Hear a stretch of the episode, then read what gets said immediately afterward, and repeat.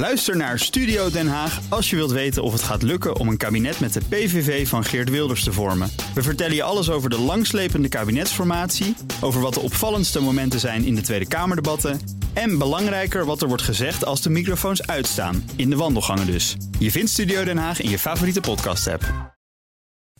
De column van Marianne Zwagerman. Zou John de Mol nog wel eens aan Jack Spijkerman denken? De radio- en tv-presentator wiens carrière met een doodsmak ten einde kwam... toen hij na jaren links lullen bij de VARA rechts ging vullen bij 10... de vorige genadeloos geflopte tv-zender van John de Mol. Mensen vergaven hem dat niet. Met Spijkerman kwam het niet meer goed. Met de Mol wel. Hij leerde van zijn fouten, las ik in de Volkskrant.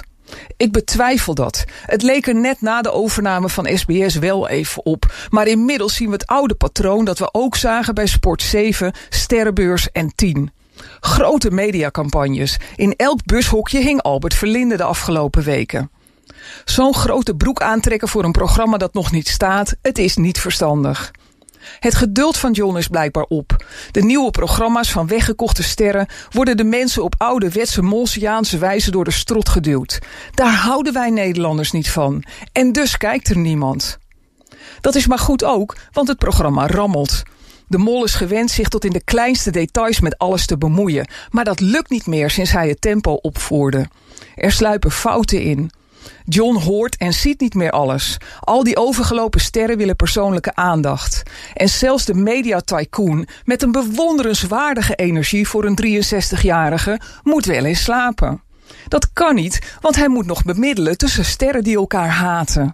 En nu komt ook Erland Galjaard nog aan boord. Nog meer scheve gezichten in de talpastal, waar mensen zijn binnengehaald die dolblij waren van de oude RTL-baas af te zijn. En dan hebben we het alleen nog maar over tv, terwijl daar de toekomst van Talpa natuurlijk helemaal niet ligt. RTL is Wendy, Wilfred en Linda kwijt, maar heeft wel Videoland, online bereik, een goede nieuwsorganisatie. Talpa heeft vooral tv met opstart, doorstart en aanloopproblemen. Vorige week zette ik mijn kaarten nog op de mol voor het opzetten van een nieuwe nieuwsorganisatie die niet gehinderd wordt door de remmende voorsprong waar kranten mee om moeten zien te gaan. Maar na zijn geschamper over Twitter in de wereld draait door, trek ik mijn kaarten in. Een mediamagnaat die zijn neus ophaalt voor een medium met een miljoen gebruikers per dag, verdient een volgende Jack Spijkerman. En dat zijn Marianne Zwageman, onze columnist op dinsdag. En u kunt de column terugluisteren op bnr.nl en in de BNR-app.